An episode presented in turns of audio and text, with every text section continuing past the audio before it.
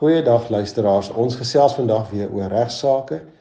En in vandag se program antwoord ek graag twee vrae wat ons ontvang het na aanleiding van ons vorige praatjie oor bos en veldbrande.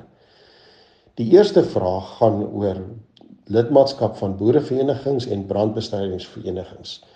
En die vraag is: kan boereverenigings dit verpligtend maak vir 'n boer of 'n produsent om sy ledegeld by die boerevereniging te betaal? Om sodoende outomaties ook lid te word van die brandbestrydingsvereniging. Die tweede vraag is wat gebeur as eienaars weier om te behoort aan die vereniging en as brandskade ontstaan? En dan eintlik so 'n derde vraag wat daarbey ingesluit is, hoe lank vat 'n eis om ingestel te word teen die sogenaamde skuldige?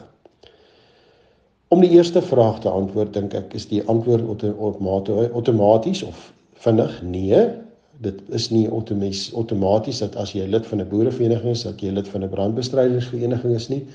Maar daar is gevalle waar lidmaatskap van beide wel altwee se ledegeld insluit. En dit is waar 'n boerevereniging ook geregistreer is in terme van die nasionale veld en bosbrandwet as 'n brandbestrydingsvereniging.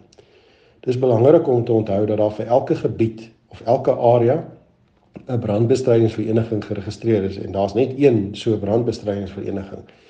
En daarom sal die bydrae van lidmaatskap gelde tot 'n brandbestrydingsvereniging alleenlik bestaan in die geval waar 'n boerevereniging ook 'n geregistreerde brandbestrydingsvereniging is.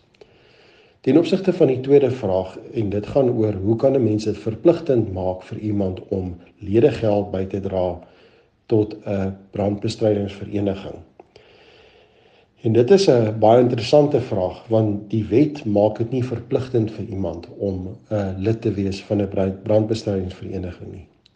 Daar is egter bepalinge in die wet wat dit so 'n bietjie ingewikkelder maak om nie lid te wees van 'n brandbestrydingsvereniging nie en dit gaan basies oor eerstens artikel 34 van die nasionale veld en bosbrandwet wat daar 'n vermoede skep tot nadeel van 'n verweerder. Dis die persoon wat op wie se plaas 'n brand sou ontstaan of van wie se plaas 'n brand sou versprei.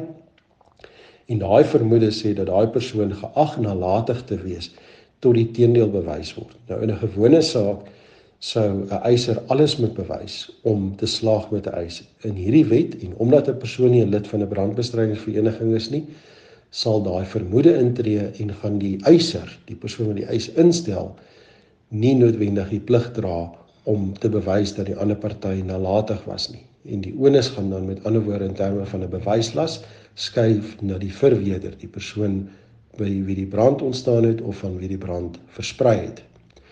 'n Tweede rede hoekom ek dink dit verpligtend behoort te wees, is nie verpligtend nie om by 'n brandbestrydingsvereniging aan te sluit is dat die meeste versekerings in Suid-Afrika by die dekking van brand of aanspreeklikheidseise by brande dit verpligtend maak dat die versekerde of die persoon wat die polishouer is 'n lid is van 'n brandbestrydingsvereniging om dekking te geniet.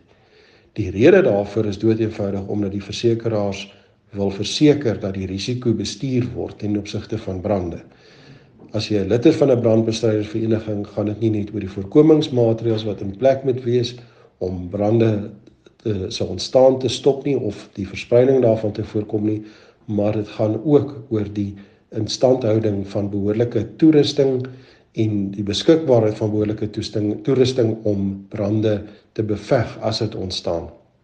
So gaan lees maar die versekeringspolisse en maak seker dat jy binne die raamwerk van die wet is as dit 'n polis vereiste is.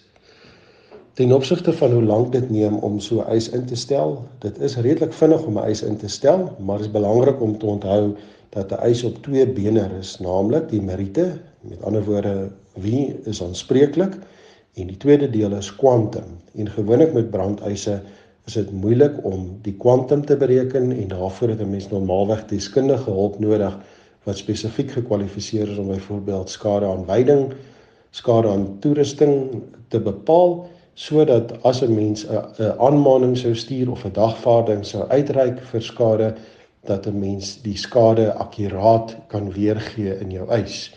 Ongelukkig kan 'n mens nie 'n eis instel as jy nie weet wat die skade is wat berokken is nie en daarom en in ons howe word daar ook vereis dat die redelike en billike skade bewys moet word. Dit is nie net eenvoudig om enige bedrag geld te eis nie. Tot 'n volgende keer dan gesels ons weer.